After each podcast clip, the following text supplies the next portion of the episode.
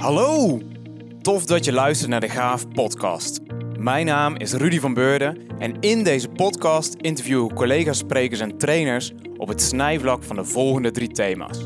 Public speaking, personal development en poen en purpose. Waarom? Omdat ik erg benieuwd ben naar hun antwoorden op de hoofdvraag van deze podcast. Hoe fix je een gaaf leven? Dus, ben je ook benieuwd naar antwoorden op deze vraag? Of ben je op zoek naar meer energie in je leven en meer helderheid in je hoofd? Zet je dan schrap, want hier komt een volgende aflevering.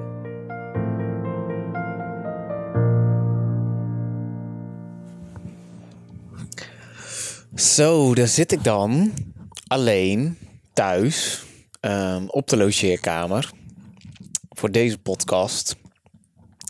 Wel even een andere dan anders. Um, alleen, we moeten afstand houden natuurlijk. We kunnen mensen niet gaan opzoeken. We zitten midden in de coronatijd, een coronacrisis. Heftig, super aparte tijd sinds uh, ja, mijn vorige gesprek met mijn vorige gast Jeroen Tessers natuurlijk. Dat is nu al uh, zeker drie weken geleden. Is er ontzettend veel veranderd. Het kabinet heeft maatregelen genomen. Verschillende wetten zijn natuurlijk actief geworden. En uh, ja, werk is zo goed als helemaal opgedroogd. Alle trainingen en events zijn uh, zeker tot 1 juni 2020 gecanceld. Misschien nog wel langer. Wie weet hoe het gaat lopen. Gelukkig zijn in deze tijd ook uh, signalen duidelijk geworden, ook via de media, dat uh, besmettingen lijken schijnen af te nemen. Maar ja, eerst maar zien hoe dat stand houdt. Dus maatregelen hebben effect. Maar ik zat wel te denken, goh, wat ga ik dan doen met de podcast? Wat kan ik met jullie delen? En ik denk dat het voor heel veel mensen die spreken en trainen geldt, vooral als je eventjes thuis komt te zitten en uh, ja, niet meer de bühne opgaat en niet meer voor groepen staat, dat je af en toe de gedachte toesluipt van, goh, wat heb ik jullie eigenlijk te vertellen?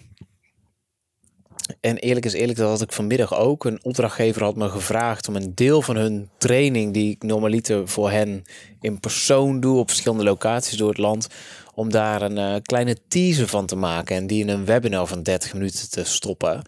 En dat was uh, vanmiddag, eerder op de dag, een half uurtje met uh, een twintigtal deelnemers vanuit het hele land. Dat was dan wel weer heel leuk om te zien in de Zoom, in de Zoom software en al die verschillende venstertjes. Maar echt net voordat die aangingen en we gingen starten om tien voor, dacht ik echt, oh, ik ben een beetje zenuwachtig. Wat heb ik hen nou te vertellen? En wat als het helemaal niet aanslaat of als ik geen reactie krijg?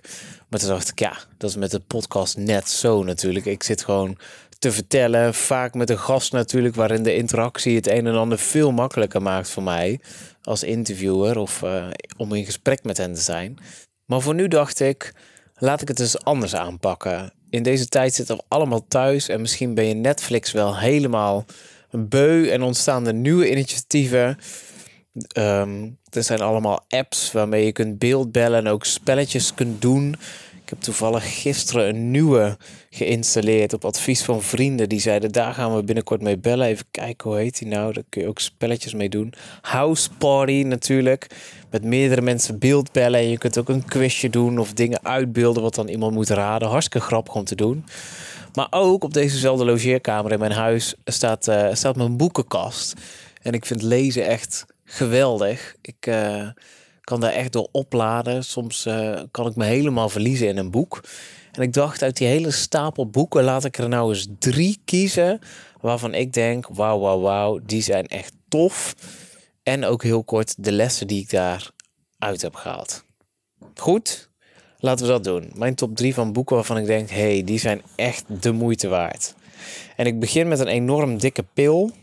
Ik denk dat dit wel, uh, ja, het is meer dan 900 bladzijden super dierbaar boek voor me. Ik heb het uh, voor mijn verjaardag jaren geleden cadeau gehad van een goede vriendin van mij, Melody. Ook trainer met wie ik hartstikke leuke trainingssessies heb gedaan jaren geleden. Helaas is ze een jaar terug of zo verhuisd naar Afrika voor een heel groot project. Wie weet dat ze terugkomt. Maar zij gaf me een tijd geleden het boek Shantaram cadeau. Super, super vet. En sommige mensen zijn verslaafd aan alcohol of aan suiker of aan wat dan ook. Maar in de zomer van 2014 was ik verslaafd aan Shantaram, aan dit boek, hele dikke boek. Die zomer was ik uh, naar Berlijn vertrokken.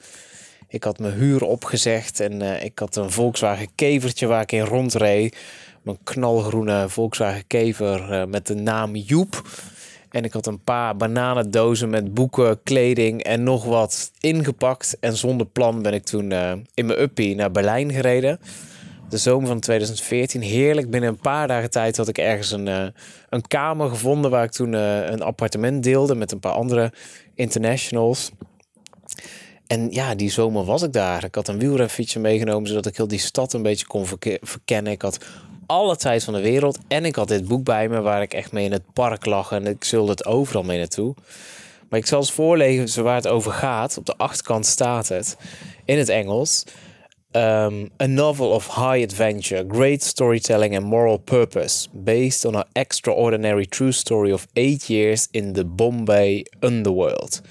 Dus deze man gaat in de vroege jaren 80, Gregory Roberts, die um, was an armed robber and heroin addict.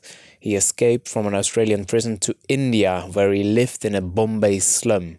There, he established a free health clinic and also joined the mafia, working as a money launderer, forger, and street soldier. He found time to learn Hindi and Marathi. How do you say this? Oh my god.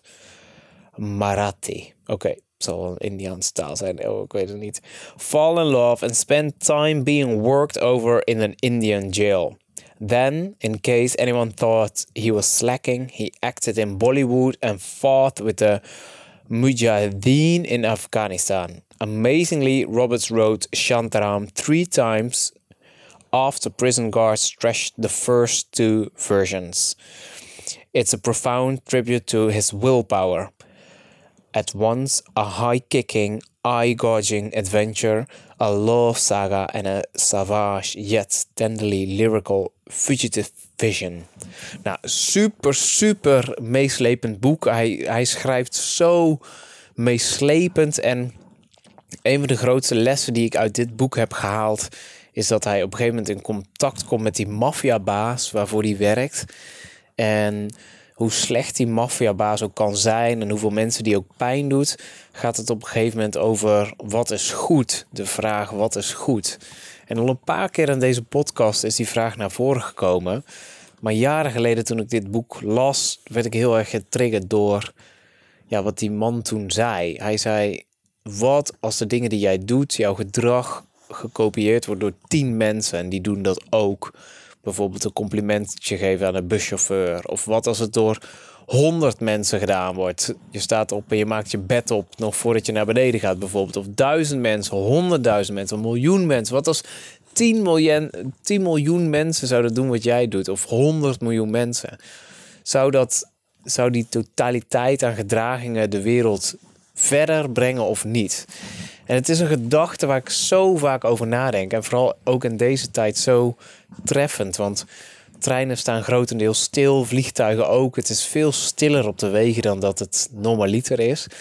Um, en heel veel mensen zitten thuis natuurlijk. En enorm veel ondernemers, waaronder ook ik, lijden schade, financiële schade, maar ook stress en kopzorgen. Weet ik veel wat erbij komt kijken. En tegelijkertijd is het op heel veel andere vlakken beter voor het milieu, minder stress. Als je dan toch ergens naartoe moet, kun je wel een keer echt doorrijden met 100 km per uur. Um, maar die ontzettend onmetelijk grote vraag, wanneer is het goed en hoe dit hoofdpersonage door zijn leven heen rolt, wat hij allemaal meemaakt en ook nog gebaseerd op een waargebeurd verhaal. Super toffe boektip. En dan kun je nog wel twee maanden in uh, quarantaine zitten thuis. Dan heb je aan deze ontzettend dikke pil, Shantaram. Je spelt het met S-H-A-N-T-A-R-A-M. Dan zit je echt wel gebakken. Dus dat is uh, my first pick, waarvan ik denk, die kun je maar beter bij hebben. De tweede is een veel dunner boekje. Een beetje flimsy en snel geschreven. Ik ben ooit naar zo'n... Uh, snel How to Get Rich event geweest. Naar zo'n eerste teaser weekend. En dan word je daar echt helemaal ingezogen. Waarvan je denkt, oeh, oppassen hier, niet te ver gaan. Maar daar werd wel aanbevolen om dit boekje te lezen. Misschien dat veel mensen hem al kennen. Het gaat over financiële wijsheid. Het is typisch een Amerikaans boekje. En ja, hij is van Robert Kiyosaki, Rich Dad, Poor Dad. En um, ja, dit is een um, man oorspronkelijk uh, vanaf het eiland Hawaii. Die vertelt hoe die uh, ja, ontzettend rijk is geworden door gewoon slim te denken. En zijn eigen biologische vader die werkt als hoogleraar of professor in een universiteit. Maar de vader van een vriendje van hem, die heeft nooit gestudeerd, maar wel altijd heel slim met zaken gedeeld. Um, en dit is wat op de achterkant staat. The main reason people struggle financially is because they have spent years in school but learned nothing about money. The result is that people learn to work for money, but never learn to have money work for them. En daar legt hij dus uh, redelijk simplistisch uit uh, wat het verschil is tussen een, uh, ja, een, een, liability en een asset. Dus iets wat geld oplevert of ehm, Um, wat alleen maar geld kost eigenlijk. En het heeft me toen, toen ik het jaren geleden las, ook wel nadoen denken over als je alleen maar afhankelijk bent van werk door arbeid. Ja, dan ben je best wel kwetsbaar. En voor veel mensen, waaronder mij nu ook, is dit ja, wel confronterend in deze tijd waarin je gewoon geen grote groepen bij elkaar mag hebben. Um, en het is ook, ik denk, naast de vakken voeding, en persoonlijke ontwikkeling zou het vak financiën gewoon eigenlijk al vanaf de basisschool gegeven moeten worden aan kinderen. Zodat ze daar in de, op de basisschool op een spelende wijze manier meer aanraking komen. En ook die lessen mee kunnen nemen tijdens een middelbare school en nog verder. Want veel kinderen, ja, wanneer heb je het nou eigenlijk ooit over geld? En je gedraagt je misschien zoals je ouders met geld om zijn gegaan. Um, maar het is zo'n ontzettend belangrijk thema. Nu moet ik echt zeggen dat wij in zo'n financieel gezond, rijk land leven. En het stem echt ontzettend nederig, maar ook trots dat we ons Nederlandse huishoudboekje eigenlijk zo goed op orde hebben dat het kabinet, de regering nu ook echt kan bijspringen voor de personen in nood. En dat er allerlei maatregelen getroffen worden. Dat, dat geeft me echt wel een warm gevoel dat dat kan. En toch is het ja, voor heel veel mensen ook door het jaar heen, zelfs als ze werk hebben en inkomen hebben, best wel een struggle om rond te komen. Dus daarvoor, als je een totaal ander licht op geldzaken wilt hebben, lees dan Rich Dad, Poor Dad van Robert Kiyosaki. De peso doorheen, dat, uh, daar vlieg je door. Goed, dat was nummer twee vanuit mijn boekenkast op mijn logeerkamer hier. Helemaal vanuit mijn uh, huisje in Eindhoven. Fijn dat jullie er ook zijn. En um, de laatste boekentip die ik deel, nummer drie, is een uh, heel mooi boekje aan de voorkant. Het is groen en er staat een hele mooie bloesem op. Van een soort van fruitboom, denk ik en een aantal Japanse tekens. Want het komt dus uit Japan. De lessen komen uit Japan. Want het is het Japanse geheim voor een lang en gelukkig leven. Ikigai. En Ikigai is een soort van concept. Een manier van denken. Op, op de achterkant staat een soort van um, klavertje vier bijna. Het zijn vier cirkels die elkaar overlappen. Dus um, um, ja, in het midden zit je Ikigai. Als je daar terecht komt dan doe je waar je van houdt. Dan doe je wat de wereld nodig heeft. Dan doe je waarvoor je betaald kunt worden. En waar je goed in bent. Dus als je al die vier raakvlakken raakt, precies in het midden dus, dan zit je op je ikigai. Um, en de tekst die achterop staat luidt: Waar kom je ochtends je bed voor uit? Wat is jouw passie, jouw ikigai? Volgens de Japanse traditie heeft iedereen een ikigai, een reden van bestaan. Het is een van de geheimen voor een lang, tevreden en gezond leven, zoals de inwoners van Okinawa het leiden. Op dit Japanse eiland wonen meer gezonde en actieve honderdjarigen dan waar ook ter wereld. De auteurs vertrokken naar Okinawa om te ontdekken wat dat geheim voor een optimistisch en gezond leven is. Ze kregen inzicht in wat de Japanners eten, hoe ze bewegen, werken en omgaan met anderen en hoe je 100 jaar in topvorm kunt leven. Dit boek helpt om jouw eigen ikigai te vinden. Ja, en ik vind het ontzettend mooi wat daaruit naar voren komt, is dat die mensen hele hechte sociale contacten hebben. Veel buitenwerken in een moestuin bijvoorbeeld. Vers en gezond eten. Niet te veel stress hebben. Daar kom ik nu eigenlijk ook een beetje achter. Nu zit ik ongeveer twee weken thuis. En die eerste week was ik zelf een beetje ziekjes en snotterig. En was ik eigenlijk blij dat er wat annuleringen plaatsvonden. Zo last minute. Maar in die tweede week, toen ik me wat beter voelde, realiseerde ik me opeens. Holy moly, wat was ik druk. En wat ben ik nu eigenlijk moe. Omdat ik constant bezig was met al die opdrachten door het hele land. De podcast erbij thuis, relatie, vrienden, sport, go, go, go, go, go. En dat ik het toch echt belangrijk vind om ook tijd voor mezelf te hebben. En ook wel een teken aan de wand was dat ik vrij weinig las. Misschien net vijf minuten of tien minuten voordat ik ging slapen. Meestal ligt er wel een boek naast mijn, uh, naast mijn bed op mijn nachttafeltje. Maar daar had ik de laatste maanden ook steeds minder zin in en tijd voor eigenlijk. Um, dus dit is ook echt wel een periode van herijking en herbezinning.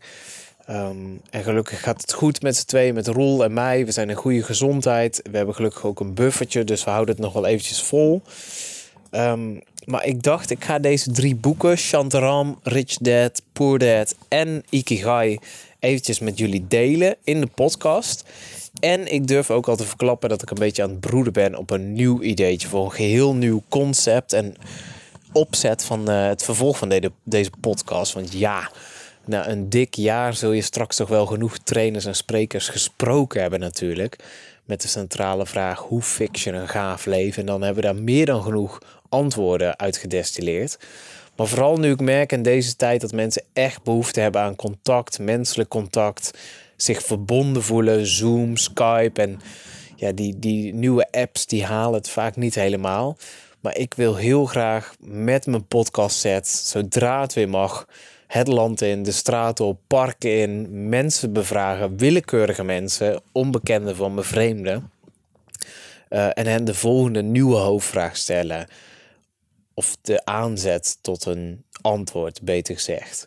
En die luidt: Als je me zou kennen, dan zou je weten dat. En dit is een enorm krachtige oefening die ik vaak in teams inzet. Um, waardoor mensen veel dichter bij elkaar komen, omdat ze echt durven vertellen wat hen heeft gevormd, wat hen heel erg pijn heeft gedaan of wat hen ontzettend trots heeft gemaakt. Um, waar je een heel hecht fundament mee kunt vormen. Dan dien je echt de tijd voor te nemen in teams. Maar ook als ik die verhalen hoor van mensen die ik passant spreek of tijdens evenementen tegenkom. Soms heb je zo'n klik met iemand dat zo'n verhaal eruit komt. En dat is zo ontzettend tof om te horen. Niet in de laatste plaats dat je dan zoveel bewondering hebt voor andere mensen, maar vaak ook dat je ervan leert en dat je er lessen uit haalt die je zelf ook weer kunt toepassen of uh, je eigen leven een beetje mee in perspectief plaatst. Dus ik ben benieuwd wat jullie daarvan vinden. Misschien wil je daar een keer aan meedoen. Of heb je namen voor me waarvan je denkt: hey, ga, ga die persoon eens opzoeken. Want hij of zij heeft zeker een bijzonder verhaal te vertellen. Dat mag ook anoniem natuurlijk. Die uh, naam en achternaam hoeft zeker niet per se op de band het horen van verschillende stemmen lijkt me al gewoon heel interessant om daar uh, telkens een aflevering aan te, aan te wijden. Maar dat is het nieuwe idee. Als je me echt zou kennen, dan zou je weten dat. En vooralsnog dienen jullie dus eventjes met deze tussentijdse aflevering te doen vanuit mijn logeerkamer slash boekenkamer. En uh, ik hoop de volgende keer over twee weken wel weer met een gast. Al dan niet op afstand of inbellen of wat dan ook. Ik uh, ga het zeker voor elkaar krijgen. En uh, ja, dank, dank, dank voor het luisteren. Super tof dat je er weer bij was. Dat je de moeite neemt om, uh, om hem aan te klikken en hem te volgen, vind ik erg leuk. En ondanks dat je nu niks terug kunt zeggen, weet ik dat je daar bent en dat je luistert. Dus dat is ontzettend tof. En ja, ik uh, draai er een eind aan. Dankjewel. Houd vol. Blijf gezond. En weet dat we in de lente zitten. En de komende maanden wordt het weer dus alleen maar beter. Dat is een hele geruststelling. Vanuit Eindhoven een warm en gezellige houdoe. Hey jij daar. Zit je met een vraag? Of heb je een suggestie voor hoe deze podcast nog gaver kan worden? Of misschien ken je wel iemand die ik echt, echt, echt moet interviewen. Stuur me dan een mailtje via podcast.gaaf.eu.